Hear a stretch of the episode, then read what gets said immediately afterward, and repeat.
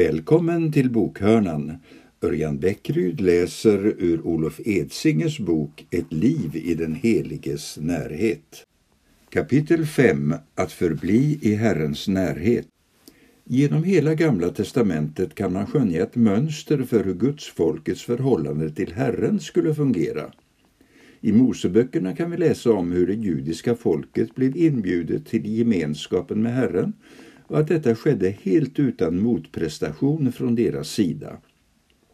När Gud tog initiativ till att ingå förbundet med Israel var det inte för att folket hade gjort sig förtjänsta av det.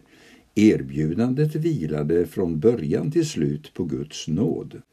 Men för att Israels folk skulle bli kvar i förbundet var det något som krävdes också av dem själva.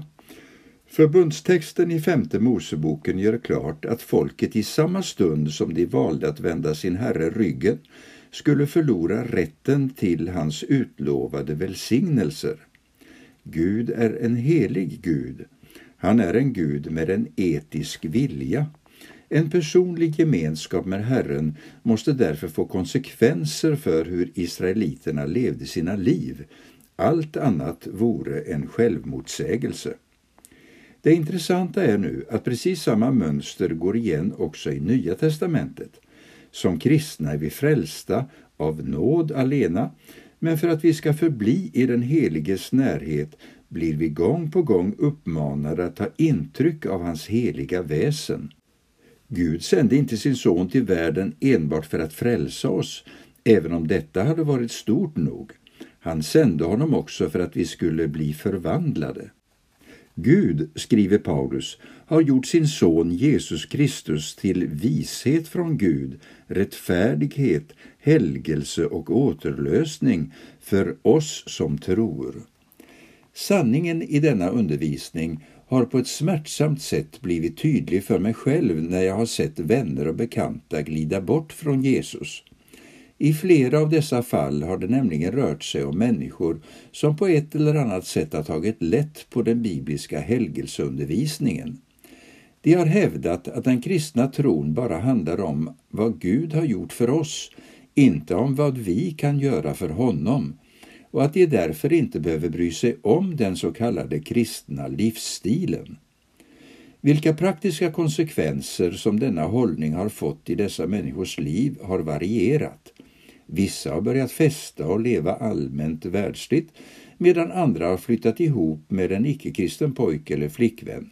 Oavsett vilket är det i många fall samma mönster som har upprepats. Det som från början var en jämförelsevis liten kompromiss på det etiska området har i förlängningen kommit att leda till ett främlingskap inför både kyrkan och den kristna tron i stort. Som jag själv ser det tyder dessa och liknande erfarenheter på att lära och liv måste hållas ihop för den som vill vara en kristen. För att förbli i den heliges närhet måste vi, även när det utmanar oss, låta honom påverka också vårt sätt att leva. En av de nytestamentliga författare som mest brukar förknippas med detta budskap är aposteln Jakob. Denne man som enligt traditionen var Jesu bror, skriver Var ordets görare, inte bara dess hörare, annars bedrar ni er själva. Om någon är ordets hörare, men inte dess görare, liknar han en man som ser sitt ansikte i en spegel. När han har sett sig själv och gått sin väg glömmer han genast hur han såg ut. Den som däremot blickar in i frihetens fullkomliga lag och blir kvar i den inte som en glömsk hörare utan som en verklig görare. Han blir salig i det han gör. I dessa verser använder Jakob precis samma ord som jag tidigare har använt när jag beskrivit förhållandena inom Sinai-förbundet. Som en omskrivning för det kristna budskapet använder Jakob uttrycket frihetens fullkomliga lag. Denna, säger han, måste vi bli kvar i för att bli saliga, alltså frälsta. Precis samma tankegods finner vi hos Johannes som skriver den som håller fast vid hans bud förblir i Gud och Gud i honom och att Gud förblir i oss, det vet vi av anden som han har gett oss. Genom Johannes ord blir vi på nytt påminda om Andens roll i det kristna livet. För även om mönstret för den troendes liv är detsamma i både gamla och nya förbundet är det en stor sak som har förändrat villkoren för oss som är efterföljare till Jesus, den helige Ande. Faktum är att det är omöjligt att ge Nya testamentets tal om helgelsen rättvisa utan att samtidigt nämna något om den heliga Ande.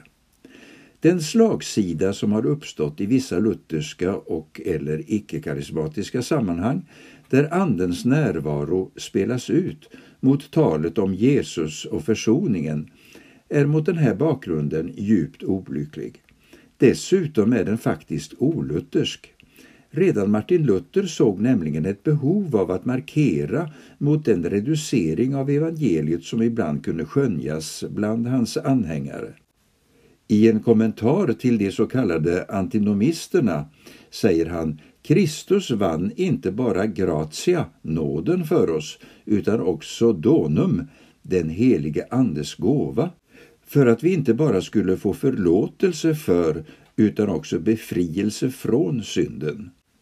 Antinomisterna, säger Luther, må vara goda påskpredikanter, men de är mycket dåliga pingstpredikanter. För de predikar inte de sanctificatione et vivificatione spiritus sancti, om den helige Andes helgande verk, utan bara om försoningen genom Jesus Kristus, trots att Kristus, som de så höjer till skyarna och det med rätta, just därför är Kristus, det vill säga just därför har förvärvat oss räddning från synd och död, för att den helige Ande ska förvandla oss från vårt Adamstillstånd till nya människor. Vi dör från synden och lever för rättfärdigheten, med både början och tillväxt här på jorden och med fullkomning i himlen, som Sankt Paulus undervisar.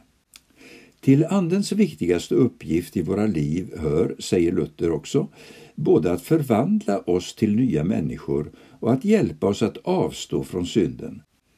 Detta innebär i sin tur att Anden spelar en central roll i det nytestamentliga talet om helgelsen.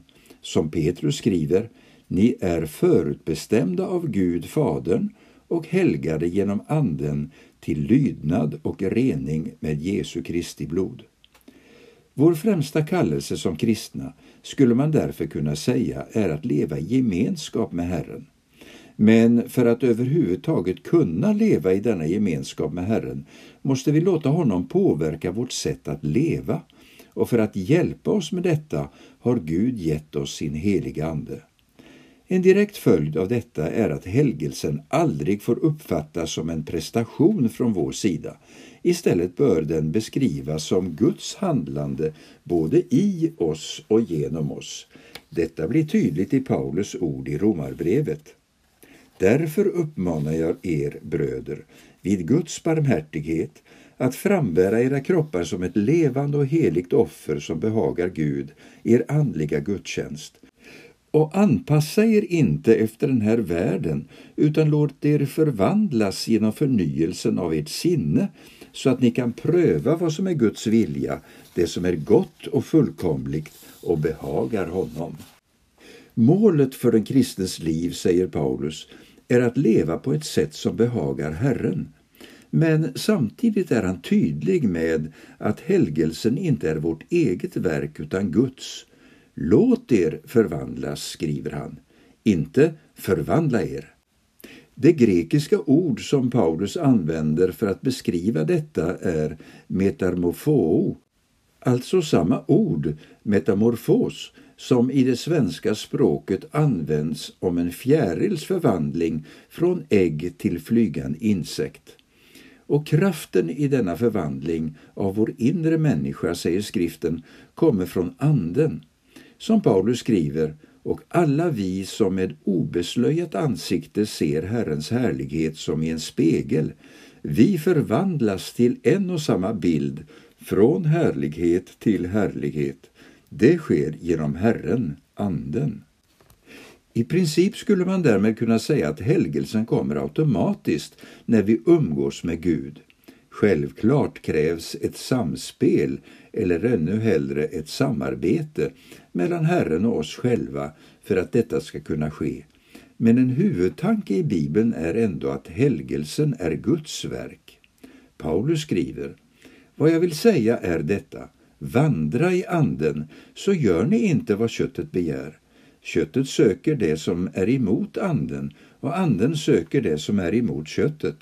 De två strider mot varandra så att ni inte kan göra det ni vill. Men om ni leds av anden står ni inte under lagen. Köttets gärningar är uppenbara sexuell omoral, orenhet, orgier, avgudadyrkan, okultism, fientlighet, gräl, avund, vredesutbrott, själviskhet, splittringar, irrläror, illvilja, fylleri, vilda fester och annat sådant. Jag säger er i förväg vad jag redan har sagt. De som lever så ska inte ärva Guds rike. Andens frukt däremot är kärlek, glädje, frid, tålamod, vänlighet, godhet, trohet, mildhet, självbehärskning. Sådant är lagen inte emot. De som tillhör Kristus Jesus har korsfäst sitt kött med dess lidelser och begär. Om vi har liv genom Anden, låt oss då också följa Anden. Citat ifrån Galaterbrevets femte kapitel. Vi har därmed konstaterat att Nya testamentets tal om helgelsen vilar på förvissningen om att Gud med sin ande vill hjälpa oss att bli mer lika honom. Men mot denna bakgrund infinner sig också ett antal frågor. Vart tog Guds Tora vägen i allt detta? Behövs den inte längre för att motivera oss till ett liv efter Guds vilja? Har lagen rent av blivit upphävd i det nya förbundet? På den sista av dessa frågor måste vi med bestämdhet svara nej. Som vi tidigare har sett kan Tora betraktas som en konsekvens av Guds helighet och ett utflöde ur hans väsen. Och med tanke på detta är det förstås otänkbart att lagen skulle upphävas. Det vore ju detsamma som att upphäva Gud. Jesus säger i bergspredikan Tro inte att jag har kommit för att upphäva lagen eller profeterna. Jag har inte kommit för att upphäva utan för att uppfylla. Jag säger er sanningen, innan himmel och jord förgår skall inte en bokstav, inte en prick i lagen förgå, inte förrän allt detta skett. Därför ska den som upphäver ett av de minsta av dessa bud och lär människorna så kallas minst i himmelriket. Men den som håller dem och lär ut dem, han ska kallas stor i himmelriket. För jag säger er, om inte er rättfärdighet går långt över de skriftlärdas och fariseernas kommer ni aldrig in i himmelriket. Jag har inte kommit för att upphäva utan för att uppfylla, säger Jesus. Och den som håller dem, alltså Guds bud, lär ut dem, han ska kallas stor i himmelriket. I alla fall för mig ser det ut som en bekräftelse av lagens ställning som Guds vilja för oss människor. Även Paulus kan därför skriva Alltså är lagen helig och budordet heligt, rätt och gott. Men hur går då detta ihop med resten av Nya testamentets budskap? Har vi inte redan konstaterat att lagen mest bara ställer till problem mellan oss människor och Gud? Och kämpade inte Paulus för att en gång för alla rensa ut lagen ur det kristna fromhetslivet? Ja, riktigt så enkelt är det faktiskt inte. När jag tidigare har talat om problem som kan uppstå i vårt möte med Guds Tora var det första jag nämnde att lagen har en tendens att provocera fram människans synd snarare än att hålla den tillbaka. Välkommen till fortsättningen av uppläsningen av Olof Edsingers bok Ett liv i den heliges närhet.